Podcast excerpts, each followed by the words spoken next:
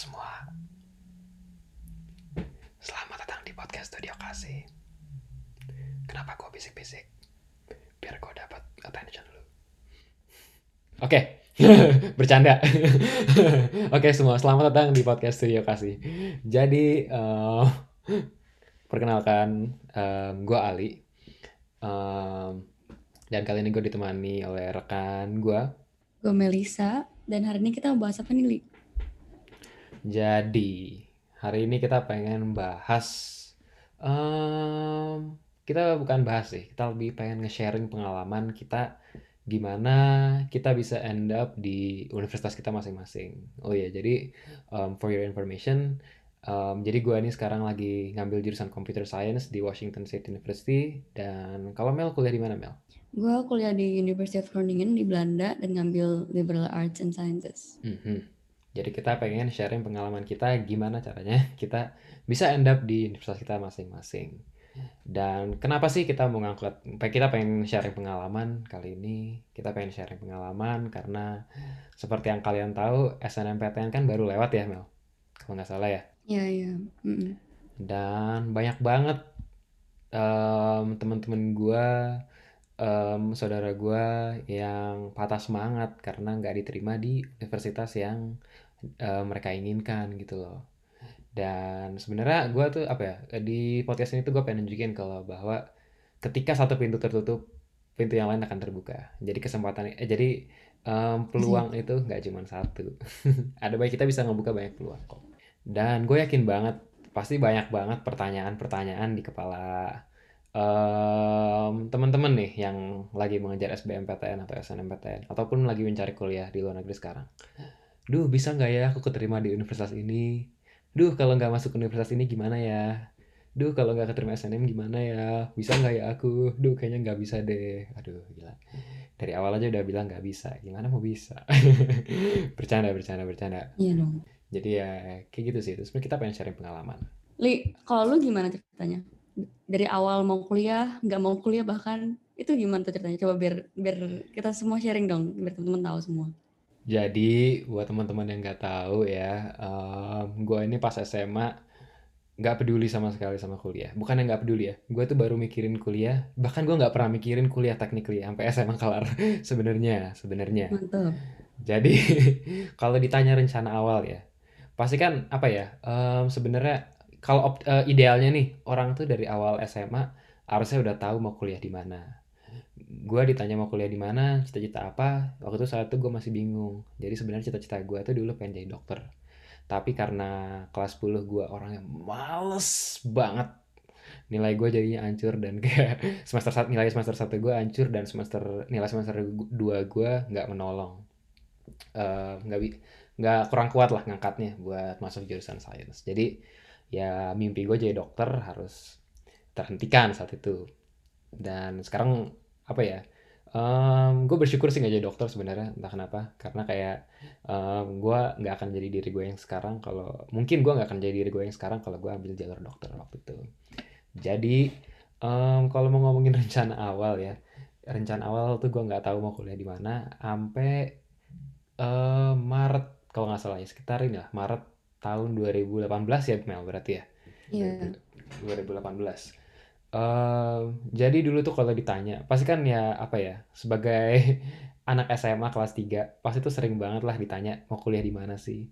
Gue selalu jawab, gue mau kuliah di UI. Kenapa UI? Dan gue bilang jurusan bisnis karena gue dan saat itu gue juga lagi tertarik sama ini sih ilmu bisnis ya gara-gara uh, market day di pas saat kelas 11 tuh gue ngerasa gue suka banget lah berdagang itu kayaknya asik gitu. Kayak gue waktu itu pengen dalamin ilmu bisnis. Jadi dan gue bilang UI kenapa? karena UI itu karena kalau gue udah jawab UI itu orang nggak akan nanya lagi. Bener juga. Parah banget sih sebenarnya. Kayak gue sebenarnya sampai akhir tuh gue nggak tahu mau kuliah di mana. Dan kayak um, jujur ya salah satu penyesal penyesalan gue itu ya gue karena kurang planning ya gue sebenarnya nggak enak juga sih sama orang tua gue gue kayak ngerasa ngebuang buang duit mereka gitu loh. Karena gue bilang pengen UI gue jadi ikut les SBM les buat persiapan SBM. Terus gue juga ikut A levels biar jaga-jaga kalau keluar negeri. Itu duitnya itu keluar lumayan banyak men. Jadi um, sebenarnya gue rasa gue ngerasa nggak enak sih kalau siap ngomong ini gitu.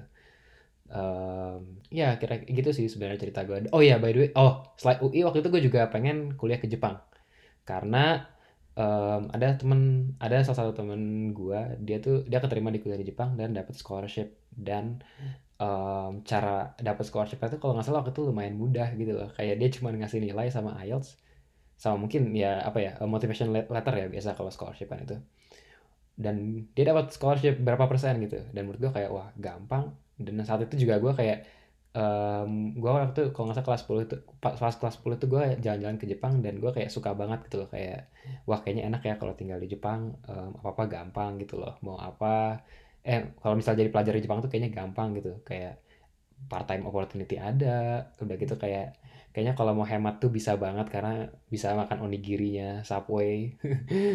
Terus atau gak makan telur di Subway itu Yang ada. makanannya ya kalau di Jepang. Iya, makanya kayaknya makanannya tuh gampang dan enak-enak gitu loh. Dan kayak aksesibilitas transportasi juga bagus banget ya. Kali seperti kalian tahu ya Jepang punya MRT udah gitu eh iya MRT Shinkansen dan dan busnya juga udah bagus loh public transport mereka bagus banget lah gitu ya tapi ya konyolnya ya. Um, gua baru ngambil IELTS itu seminggu sebelum batch 4 tutup. Untuk nekat bener. emang bener paling nekat nih orang. Bukan nekat nih itu goblok namanya sebenarnya. Gak ada nekat-nekatnya. Ada tipis ya? Hmm. Itu goblok dan irresponsible sebenarnya. Jadi sebenarnya yang itu jangan ditiru. Um, baru seminggu sebelum batch 4 tutup tuh gue baru apa namanya baru mau ngambil IELTS. Dan menurut gue tuh gila banget. Karena kayak satu ya kelihatan jelas ya kurang persiapannya. Jadi dan kenapa gue bisa end up di Amerika di Washington State University? Jadi ceritanya gini. Waktu itu tuh gue lagi nonton bioskop sama teman-teman gue lah waktu itu. Gue lupa nonton film apa tapi pas lagi nunggu masuk bioskop itu ada telepon mendadak dari nomor nggak dikenal. Dan awalnya gue kayak apa ya agak ini siapa sih? gitu loh. Tadinya pengen matiin aja. Tapi ya gue ladenin aja lah mumpun lagi pegang juga dan kayaknya nggak ada salahnya gitu loh. Ngangkat kan kayak gue orangnya juga suka iseng-iseng gitu kalau ada telepon-telepon ya gue angkat-angkatin aja gitu loh. Mau scam mau enggak ya udah nggak apa-apa gitu biasa aja um, karena gue juga gak punya duit ya jadi kayak apa yang mau dicuri? gitu loh. Ya ampun sedih banget. Ya gitulah. Ya tapi taunya ini taunya yang telepon gue itu salah satu kayak agensi pendidikan gitu lah kayak counselor gitu education counselor gitu. Dia nanyain ehm, Ali masih tertarik kuliah di luar negeri nggak? Gitu. Dan gue bilang hmm, ya tertarik nih. Um, Ali tertarik kuliah di luar negeri. Gitu. Um, ditanya Ali mau kuliah di mana Ali mau kuliah di Jepang nih gitu. Oh di Jepang jurusan apa? Um, Ali mau jurusan um, bisnis gitu. Terus dia nanya dia nanya pertanyaan kayak gini. Ehm, Ali udah tahu belum kalau di Jepang bisnisnya mau bisnis apa? Hmm. Hmm, hmm, hmm, hmm. di saat itu gue di saat itu gue bingung. Gue kayak ngerasa kayak waduh bisnis emang ada apa lagi? Gitu loh. Perasaan setahu gue bisnis cuma enter ya bisnis ya bisnis gitu bisnis manajemen dan ya udah akhirnya gue jawab bisnis manajemen terus dia nanya lagi emang di emang di Jepang ada program bisnis manajemen di kuliah yang Ali pengen? Hmm? mati gue gue terus gue di saat itu juga sambil nelpon gue make gue pasang earphone gue sambil nge-search tuh bisnis manajemen di universitas ini. Waktu itu kalau nggak salah gue pengen di TIU Tokyo International University atau enggak um, Ritsumeikan hmm, dan dan ternyata yang muncul tuh kayak international business management dan lain jadi ya karena kayaknya international business management tuh yang paling mirip ya sama business management. Jadi gue sebut gue bilang gue pengen jurusan International Business Management. Dan wah gila sih kaca. Gue walaupun at least walaupun gue bisa akhirnya ngelewatin telepon itu gue ngerasa gue akhirnya sadar seberapa bego gue gitu loh. Kayak gila gue ya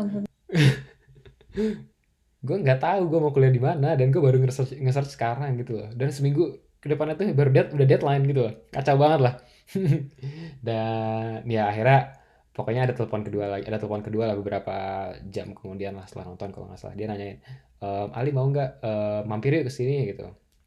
Ke aspek tama nama agensinya waktu itu di Alam Sutra. Uh, mampir sini ngobrol-ngobrol aja bawa orang tua juga ya gitu. Biar mungkin bisa ngebuka pikiran lah tentang kuliah keluar. Nah di situ tuh gue um, kan bisnis sama komputer science juga agak jauh ya. Kayak gimana gue bisa akhirnya dapat computer science itu um, gue dan by the way karena di binus gue ini jurusan sosial gue bukan anak IPA gue juga ngerasa kayaknya bidang-bidang IPA itu udah nggak tergapai gitu loh. Kayak walaupun sesukanya gue sama bukan sesukanya gue ya waktu itu gue makan nggak tertarik sama gue walaupun gue masuk sosial tuh kayak terpaksa gitu rasanya. Jadi kayak hati gue tuh sebenarnya gue lebih suka pelajaran-pelajaran IPA gitu loh. Tapi ya karena kemalasan gue kelas 10 gue nggak bisa belajar pelajaran-pelajaran IPA lagi gitu loh. Jadi makanya gue pas lagi walaupun gue di sosial gue ambis banget matematikanya. Karena ya matematika tuh apa ya ibarat IPA yang tersisa lah. IPA yang tersisa. Gimana tuh? Gimana ya eh, bilangnya? Jadi kayak ya kan tau lah pelajaran IPA kan ada fisika biologi eh, fisika eh, utamanya kan fisika biologi kimia matematika. Ya yang di sosial tuh cuma ada matematika doang yang tersisa. Jadi kayak ada ya. sih ya Iya kan? Jadi gue make full use of matematika ini gitu loh. Gue ambis banget matematikanya. Dan karena jurusan gue ada IT-nya juga waktu itu ngobrol-ngobrol kayak um, kalau Ali kira-kira Ali um, ya pokoknya dia nanya lah nanya-nanya gitu. Pokoknya kayak Ali tertarik gak sama kayak coding-coding gitu-gitu programming? Terus dan saat itu juga dan kebetulan ya um, di pelajaran IT itu waktu itu lagi belajar JavaScript dan gue ngerasa pede jujur di JavaScript itu kayak wah gila ini mah sebenarnya gampang ini cuma logika kita doang gitu loh. Kalau kita ada logikanya pasti sebenarnya gampang kita nggak perlu e, merasa tuh nggak perlu cek-cek referensi-referensi gitu. Itu yang gue rasain saat itu. Kayak asal gue yeah. tahu kan kayak gue tuh ngeliat udah gue satu udah ngeliat kayak ini tuh kayak bahasa kita ngomong aja gitu loh. Kayak uh, dan imagine yourself as um, the program gitu loh. Gitu gue ngeliatnya kayak gitu saat itu kayak bayangin kalau misalnya ada kejadian ini gue bakal ngapain ya? Nah kayak gitu. Gue tuh gue rasa logika gue udah lumayan kebentuk lah saat itu. Dan makanya gue pede gue bilang kayak ya lumayan um, lumayan tertarik sih sama programming gitu kayaknya asik. Dan terus dia nanya lagi Ali matematika kuat gak? Dia bilang kayak ya karena waktu itu ya karena tadi gue bilang gue suka banget matematika bisa dibilang matematika gue lumayan kuat lah. Dan akhirnya dia bilang oh kenapa nggak? Akhirnya si kanselor ini bilang kayak kenapa nggak jurusan computer science aja? Gitu itu um, tapi harus belajar matematika lebih gitu loh karena ya karena itu math heavy banget. Terus dia bilang kayak oh ya boleh sih sebenarnya gitu. Dan awalnya tuh tapi awalnya tuh jujur ya gue belum klek gitu loh sama computer science ini. Kenapa? Karena gue nggak um, tahu gitu loh kayak karena gue masih pengen bisnis gitu loh. Tapi ada satu tapi orang tapi si kanselor ini ngebuat gue sadar by saying by nanyain eh sorry bukan saying by, by kayak pokoknya dia nanya kayak gini lah. Uh, emang kamu tahu kalau bisnis kamu mau jual apa? Uh itu pertanyaan kamu bener sih itu itu golden question kalau selalu mau belajar bisnisnya nah itu itu gue masih belum tahu gue mau jualan apa. Gue rasa kayaknya saat itu ya mindset gue masih jelek banget lah. Kalau bisa kalau kalian tahu teori fix mindset growth mindset itu gue masih fix mindset banget lah waktu itu. Kayak rasa kayaknya gue kalau mau ngelakuin sesuatu tuh harus lulus dulu harus dapat degree dulu gitu loh. Baru layak ngelakuin sesuatu. Padahal sebenarnya enggak. Dan ya dia ngebuka pikiran gue lah basically by saying kenapa nggak kamu jurusan computer science dan kamu jual skill computer science bu kamu kamu integrate sama eh kamu apa ya kamu gabungin sama skill eh sama bisnismu gitu nanti. Terus kayak oh ya benar juga. Dan yang bikin gue akhirnya pengen buat computer science sebenarnya satu kata doang dan um, mungkin saat itu gue bangga tapi sekarang gue malu kalau karena alasan ini. Jadi dulu alasan computer science itu karena apa ya karena jadi dia tuh ngasih tahu gaji computer scientist pas lulus tuh berapa gitu loh. Dan itu lumayan gede dan gue kayak wah gila enak. Oke lah sikat lah. Ya gitu. Tapi nggak salah sih. Amin nih ya lumayan loh. Kayak ya dulu gue orangnya money driven juga by the way. Jadi kayak gue kan banyak banget ya kecewaan gue gitu loh. Kayak dan gue juga dulu anaknya kurang aktif gitu loh dalam organisasi atau apa gitu. Gue kayak benar-benar kayak ya sebenarnya singkat cerita itu gini sih apa um, pas SMA tuh di mana orang lain mikirin mau kuliah di mana gue malah mikirin how can I um, spend um, the last year of my high school, wisely gitu. Loh dan wisely by wisely-nya gue itu kayak by, gimana caranya maksimalin waktu bermain sama teman-teman. Gitu. Tapi ya tapi ya akhirnya ya setelah dari situ pemikiran gue terbuka dan um, agent ini juga mau ngebantuin kayak uh, nge-guide lah nge-guide gue kayak pendaftarannya gimana kayak gitu. Hmm, dan akhirnya gue keterima di Wazu uh, waktu itu alternatif gue um, Oregon State University.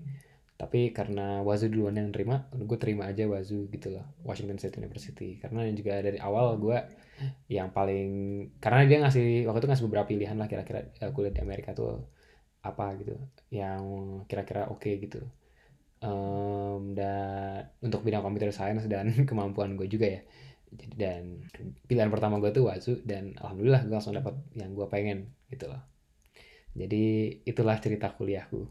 Kalau Raditya Dika kan punya cerita cintaku. Kalau ini cerita kuliahku. cerita gimana gimana caranya bisa sampai ke kuliahku. ya kayak gitu. Oh, iya. Kalau lu gimana Mel ceritanya Mel? Aduh gimana ya? Rencana awal kuliah lu gitu. Gimana, gitu? Mungkin gue harus sedikit beda dari, dari Ali soalnya gue kalau Ali tadinya gak ada rencana, gue rencana banget. gue bener mungkin over planning kali dibilangnya. Karena gue ya gue dari dulu suka overthinking dan kadang-kadang tuh kayak suka terlalu get into deep gitu. Jadi dulu kalau di binus kan ada jurusan kan. Ada empat jurusan kayaknya. Science social science eh ya. So science social science art and design sama ICT sociology ya. Nah gue tuh jurusannya ICT sociology kan ya dan sejak itu gue pengen kayak interest gue interested banget di hal yang kayak tentang social sciences tentang kayak studying human behavior gitu-gitu lah. Dan mungkin itu on the broader sense di BINUS kayak diajarin sedikit di sociology tapi kayak gue pengen gue pengen belajarnya kayak psikologi, sosiologi gitu, gitu. Dan sejak itu gue udah mulai cari tahu gitu dari kelas 10, kelas 11 gitu lah. Gue udah mulai cari tahu kayak apa aja sih uni-uni di luar sana yang related ke subjek yang gue interested in gitu kan. Uh, tapi gue dari dulu udah tahu gue pengen keluar di luar negeri. Dan in particular gue dulu tuh pengen banget nggak tahu kenapa kuliah di UK dan sebenarnya asalnya gue blok karena gue dulu ngefans sama One Direction. Jadi gue kayak berasa gue pengen banget ke UK gitu kayak keren aja gitu kan. Terus gue juga punya internet friend di Newcastle. Jadi gue pikir gue udah, udah ngomong gitu sama dia kayak kalau misalnya gue di UK gue bisa nih kuliah di Newcastle. Soalnya kayak ya lumayan lah gitu ada temen. Terus ya dulu kayak ya gimana lah namanya juga SMA pasti mikirnya kayak ya yang penting ada temen segala macam gitu. Kalau udah kelihatan kayaknya udah mikirin ya yang penting ya you have your own goal dan kayak every man for themselves gitu masih kayak ya meskipun teman penting cuman kan kalau udah kuliah tuh kayak ya sendiri juga nggak apa-apa gitu sebenarnya. Bener-bener. Nah, jadi kayak lebih individualis gitu kan ya kalau masalah pas kuliah nih. Iya. Sejak kuliah itu mm dan nggak nggak nggak ada salah nggak ada benar juga karena emang pada masanya kan kuliah eh pada masanya kan SMA tuh bener ya bonding sama temen-temen ya penting juga lah gitu. Dan sejak itu tuh gue uh, I set my mind mau kuliah di UK tapi ternyata setelah lihat sendiri ternyata mahal juga kuliah di UK dan uh, dalam tahun itu juga kayaknya kelas 10 atau kelas 11 gue sama keluarga gue kan kita suka traveling juga ya. Jadi itu kita mikir oh ya tahun ini kita ke UK aja biar Lisa bisa lihat-lihat gitu. Gue dibilangnya bisa kalau keluarga gue kayak uh, iya biar Lisa biar Lisa kayak lihat-lihat aja gitu what's out there dan biar dia get the feel of the environment gitu. Kayak di UK gimana kan. Pas gue actually visit the place ternyata feelingnya kayak gimana gitu. Buat gue gitu kayak it doesn't feel homey nggak tahu kenapa something is missing gitu kan. Tapi apa apa lah gue masih cari-cari juga kan it's not really like urgent yet gitu buat gue terus gue mikir juga uh, pengen ke Jepang juga sama kayak Ali. Tapi alasannya juga nggak gimana banget gue cuma mikir ah keren aja gitu. Kayak nggak terlalu like gue nggak have a specific reason yang bener kayak motivation itu kayak kuat banget gitu. Tapi uh, gue juga mikir gue nggak gue nggak jago belajar bahasa gitu. Jadi ya itu itu minusnya lah. Itu is a big kayak con gitu kalau mau kuliah Jepang buat gue dan kebetulan juga nyokap bokap gue kuliah di Belanda dulu dan that's how they met juga kan. Terus uh, mereka bilang coba kamu lihat-lihat kuliah di Belanda deh gitu. Coba tahu kamu have interest di situ. Dan mereka juga bilang uh, kalau belajar social science atau sociology bagusnya di Belanda karena mereka social skillsnya bagus banget dan ya gue gue setuju juga sih karena setelah gue lihat tuh emang bener gitu orang tuh friendly banget dan uh, edukasinya lumayan maju lah di sana gitu kan. And I I actually prefer studying di Europe daripada di US gitu. Tapi gue um, gue sama keluarga gue bilang kayak uh, jangan let my parents influence gitu kayak cuman gara-gara mereka pernah kuliah di Belanda gitu gue juga ikutin their footsteps cuman gara-gara mereka pernah kuliah di Belanda doang gitu. Jadi for that reason I made sure I made my own research. Dan setelah gue lihat ternyata banyak juga yang yang yang bener offer that program yang gue mau dan pas banget gitu kan. Dan karena Belanda itu ternyata kecil banget jadi gue pikir oh oke okay, uh, what I know is Amsterdam kan. Jadi gue lihat kuliah di Amsterdam nih ada program baru baru lima tahun jalan kalau atau, atau at the time mungkin tiga tahun kali programnya. Uh, University College kan. Jadi singkatannya AUC Amsterdam University College. Nah ini tuh gue ini benar kayak at the time that was like my dream uni gitu. Dari kelas 11 sampai kelas 12 itu gue benar kayak oke okay, I have to get there. Gue udah cari segala macam. Gue sampai bikin kayak planning mau ambil apa aja kalau misalnya gue kuliah itu kayak karena itu kan the way it, it, it works tuh kayak you make your own curriculum gitu kan. Gue udah tau gue mau ambil uh, course apa aja gitu. Dan gue udah kayak mikir, oke okay, kalau gue mau ke sini gue harus ambil A levels udah pasti. Gara-gara gue over planning, jadi gue harus ada backup juga kan. Jadi gue mikir kalau misalnya gue amit-amit gak keterima di sini, gue juga harus ambil UN segala macam. Dan gue harus kayak, ya kalau di Indo gue mikirnya gue mau ke UPH lah gitu Hmm. Jadi gue mau nanya dong Mel. Kalau lu ngambil SBM gak waktu itu? Enggak, enggak. Oh enggak sama sekali ya? Enggak. Padahal, padahal tadinya gue mau ke UI kan. Gue mikir cuma mau ke UI gitu. Tapi gue mikirnya kayak aduh, I don't think that's my thing juga dan dan gue mikirnya kayak kalau if it's not like the main thing I'm going for, buat apa gue kayak ambil SBM gitu kayak menurut gue kayak malah stress stressing me out gitu kan karena my main goal tuh kan A levelsnya kan jadi gue mikir buat backup itu gue pengen UPH tapi ya UN aja gitu loh kayak nggak nggak reaching that goal gitu tapi nggak tahu sih kalau misalnya gue ambil SBM mungkin ya nggak tahu lah gue sekarang kayak gimana benar I mean um, kita nggak akan tahu ya kayak mungkin jalan pertama kita yang jalan yang kita kira paling oke okay, itu nggak tentu yang sebenarnya tuh nggak tentu yang paling bagus gitu loh. Yang menurut kita paling baik itu bukan nggak hmm. tentu yang terbaik gitu loh. Dan hmm. ngomongin itu um, kan tadi lu bilang kalau nggak salah lu pengennya di E apa? AUC ya, Amsterdam AUC. University College ya. Iya. Tapi lu malah end up di University of Groningen. Iya, iya. Iya. Itu, coba itu menurut lu menurut lu gimana tuh? Kayak apakah itu apa ya bilangnya? Hmm, kan ya maksudnya kan sebenarnya lain kata yang lu mau lu gagal tapi lu dikasih hmm. yang lain menurut hmm. lu gimana tuh tanggapan tentang itu kayak lu bersyukur nggak lu di University of Groningen sekarang dibanding di AUC ya. atau masih ada penyesalan nggak masuk AUC dulu nyesel sekarang bersyukur soalnya cerita, cerita gini gue uh, sebenarnya ngambil L level gue udah udah udah oke okay gitu kayak segala macam udah oke okay. cuman yang bikin gue nggak masuk di AUC itu IELTS gue jadi uh, average itu harusnya kan 7, tapi in every category kan. Dan hasil gue tuh 7 average, cuman not in every category gitu. Jadi ada yang 6,5. Jadi lu bayangin sedek that close kayak cuma no, masalah 0,5 doang to get it like my dream uni gitu. Dan tadi gue mikir kayak pengen retake IELTS lagi gitu kan. Biar just so that oh kayak kalau misalnya I'm that close kayak gue pengen like just try gitu tapi waktu itu tuh gue udah kayak stres banget karena ya pokoknya gue nggak tahu apa tapi gue bener stres banget at that point mungkin gak gara mikirin kayak gini juga kali karena gue apply kayak di AUC sama uh, Erasmus kalau nggak salah. Dan dua-dua itu standarnya sama gitu kan. Jadi gue mikir ah oh, yaudahlah apply ke uh, eh, UC yang lain juga University College yang lain juga kan di Belanda. Gue lihat ada Tilburg ada Utrecht ada Groningen. Tapi Groningen itu benar kayak out of all the the cities gue yang nggak pernah tuh ke Groningen yang lain gue udah visit ke sama nyokap bokap gue pas ke Belanda. Jadi uh, gue jujur aja Groningen tuh benar kayak ya bodo amat lah gue tinggal CV sama motivation letter gue gue tinggal ganti nama uni doang terus ya di accept di University of Groningen kan dan itu yang yang gue mikir cuma satu doang kayak emang gue segoblok itu ya Mm-hmm. Karena kan I don't know kayak if you're accepted in many unis tuh it feels like oh lo sepinter itu like so many unis want you gitu kan. Tapi sebenarnya nggak necessarily juga gitu karena sebenarnya kayak ya masalah ini aja kayak lu pasnya di mana gitu dan Hmm. kayak gimana ya kayak gue mikir juga nih kalau misalnya gue di accepted ke so many different unis gara-gara gue orang yang indecisive gue bakal bingung juga jadi looking back ya gue bersyukur gitu gue nggak gue nggak regret cuman at the time pasti ada regretnya lah I see, I see, I see.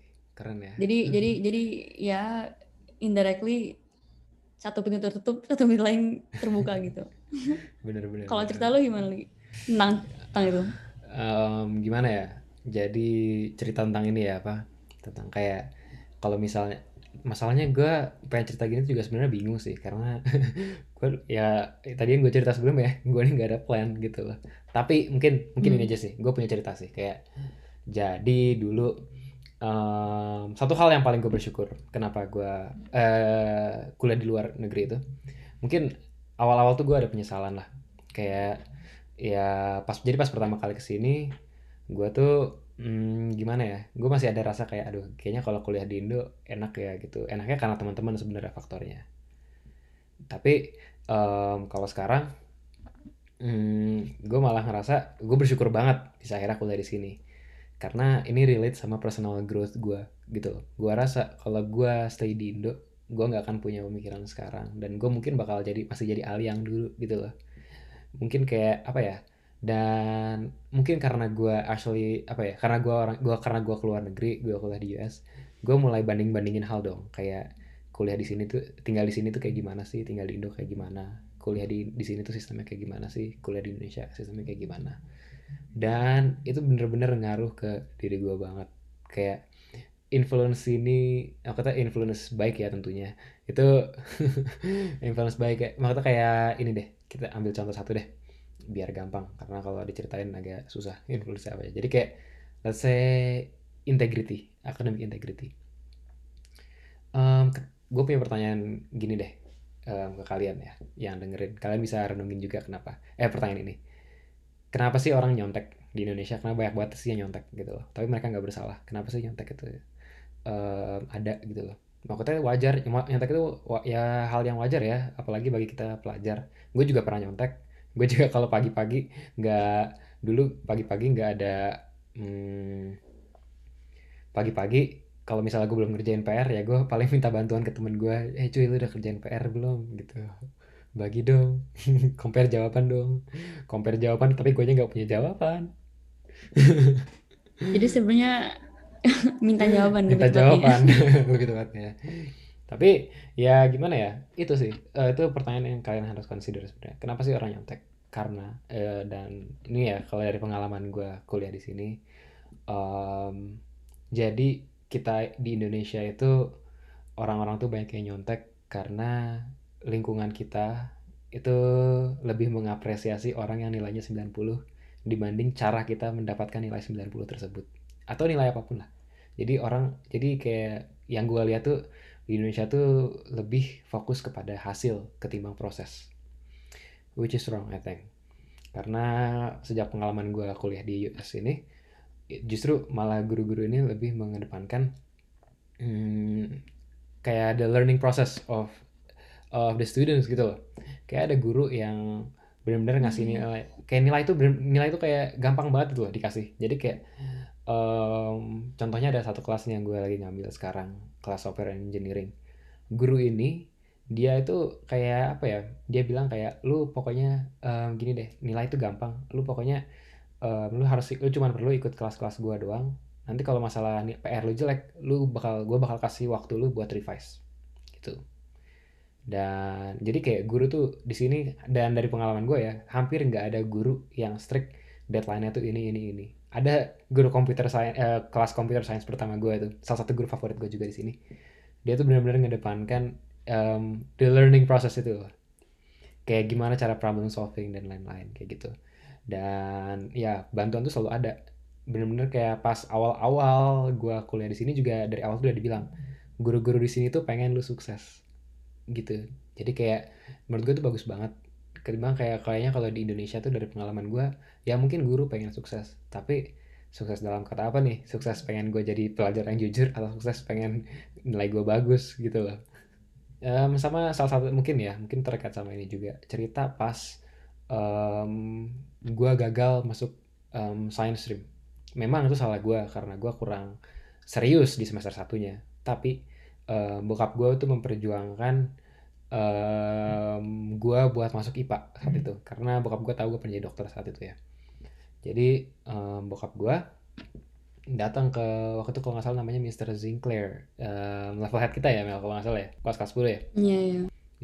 Mr. Sinclair buat ngapil biar gue bisa masuk um, science stream atau IPA um, tapi nggak dikasih gitu. Dan bokap gue bilang ya kalau misalnya Ali nggak masuk kenapa kalau misalnya Ali nggak masuk IPA karena nilainya kurang berapa poin ya harusnya Ali juga nggak usah masuk IPS dong karena lebih jelek lagi nilainya. Itu sebenarnya sakit tapi gue kayak wow bener juga. Makanya tapi kayak maksudnya kayak gimana ya? Masa kita nggak boleh kita nggak kita masa cuman gara-gara kita gagal di salah satu poin ya di salah satu poin kita gagal kita masa nggak bisa. Emang ada ber- mem- memang di kehidupannya kita bakal ketemu beberapa poin of no return. Itu kata-kata itu em, kata-kata yang bokap gue selalu bilang ke gue juga sih. Apa kayak kita ini bakal ketemu beberapa poin eh, yang namanya point of no return. Dan salah satu point of no return itu waktu itu itu jurusan IPA IPS dan tapi makanya bokap gue tuh lumayan kecewa lah waktu itu. Kayak masa karena gue kurang berapa poin gue nggak bisa masuk IPA sedangkan nilai IPS gue karena gue semester 2 benar-benar sacrifice nilai IPS gue buat masuk IPA itu ya jadi je- makin jeblok lagi loh. Jadi kayak ya pasti sih Masalah ya. pasti masalah. Jadi kayak tapi kayak ya looking back gue nggak ada penyesalan lagi sih sekarang. Gue udah nggak nyesel lagi. Karena kayak menurut gue kalau gue nggak masuk IPS gue nggak ngalamin ke irresponsibility sebesar ini gitu loh. Gue nggak akan jadi gue yang sekarang gitu loh. Dan sekarang dulu gue yang nggak dulu gue yang nggak punya mimpi sama sekali. Sekarang gue rasa gue penuh mimpi. Dan kayaknya hampir gue tuh kayaknya paling nggak bisa nggak ngomongin mimpi sama orang yang gue baru ketemu gitu loh. Narilah dan terus tertawa. sumpah cuy. Sumpah cuy. Gak bohong. Gue nonton Laskar Pelangi sang mimpi tuh gue mau nangis sumpah rasanya. Karena, iya, karena baru sekarang tuh kayak bagus banget. Iya, kayak karena makin kerasa banget sama gue gitu, kayak kena banget ke gue sekarang. Dulu mungkin gue pas SD tuh nonton kayak SD atau SMP nonton juga kayak ah apaan sih ini film kayak gini-gini doang. Ya bagus sih, bagus film bagus kayak ada anak yang misalnya dulu itu em, apa ya dari apa ya ya kondisinya kondisi finansialnya kurang baik lah ya di kan kayak di perkampungan gitu sedangkan ada anak yang genius dan tiap pagi si lintang itu dia harus naik sepeda lewatin buaya dan menang olim sampai menang apa cerdas cermat gitu. Wah gila. Ada genius di kampung gitu. Kayak itu emang tapi entah kenapa pas gue nonton ke- saat kecil tuh gue nggak terinspirasi sama sekali. Mungkin karena gue masih belum nemu import apa ya kayak belum relate sama gue lah gitu. Gue masih ngerasa kayak ya Iya. udah nilai gue segini gue nggak masalah gitu loh. Nilai gue jelek nilai gue bagus nggak masalah yang jalanin hidup gue gitu loh. Bukan si lintang ini dan ya gitu sih sebenarnya hmm, kalau cerita gue jadi kayak sebenarnya gue nggak ada penyesalan. Mungkin ya karena apa ya gue bisa ngelihat personal growth gue eh, as a person itu meningkatnya drastis banget. Kayak dan mindset gue juga berubah banget gitu loh. Kayak gue tuh percaya banget sama em, yang namanya kalau semua yang di pikiran kita itu bakal apa ya kayak jadi kita ini sebenarnya sesuai apa yang kita pikirin aja sih. Itu itu itu sebenarnya- itu gue percaya banget sama itu. Kayak mungkin Iya, ada iya, benar. itu gue percaya banget sama hal itu. Sebenarnya ya kalau mau cerita awal kenapa gue bisa percaya itu kejadiannya konyol sih.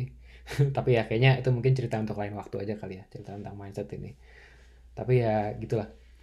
Em, dan gue rasa I feel like em, kalau gue put in effort dan kalau gue yakin apa yang gue mau gue mau kejar mimpi gue gue pasti bisa gitu loh dan yes gitulah tanpa perjalanan yang repot yang menghabiskan banyak uang em, gue rasa gue nggak akan jadi gue sekarang kalau gue nggak ngelewatin proses itu. Gitu. Loh itu kalau cerita dari gue sih. Tapi ya gitu sih. Kalau relate balik lagi ke tadi itu sebenarnya satu pintu tertutup pintu lain pasti bakal ada. Pasti ketika satu jalan yang kita ingin tertutup pasti bakal ada pintu-pintu lain yang terbuka gitu. Mungkin karena kita udah lumayan makan waktu ya. Mungkin kita bisa masuk ke segmen penutup aja kali ya. Ya boleh boleh. Kita have a lot of stories save for next time. Hmm, hmm. Oke gini deh, mungkin um, apa ya untuk penutup kali ini kalau di episode perdana kita episode pilot kemarin kita pakai quotes, mungkin kali ini gue pengen uh, kita mungkin ini kali apa daripada kita pakai quotes, enaknya mungkin kita um, sharing sebuah bukan sharing kayak apa ya? Memberikan sebuah kalimat membangun buat para pejuang kuliah. Eh pejuang pencari kuliah lah. Para pencari kuliah asik. Jadi gimana Mel? Kalau dari lu gimana Mel? Lu dulu deh. Kayaknya dari tadi gua mulai ngomong maafin. Aduh, ya pokoknya intinya jangan pernah kayak lesu gitu karena ya there's a lot of there's only a lot of things that we can do. There's only so much that we can do kan. Bisa either kita nggak planning sama sekali either kita over planning tapi um, pada akhirnya pasti kalau satu, satu pintu tertutup ada pintu lain yang terbuka. Hmm, setuju. Pada akhirnya asik. uh, ya semuanya yang belakang. Jangan-jangan bahaya, capek. Sebenarnya gue pengen ngasih penutup juga sih, cuman gue nggak ditanyain sama Mel, jadi nggak usah lah. Ih, yo. ya gitu dong. Oke, okay. kalau kata penutup dari Ali apa nih? Makasih loh ditanyain.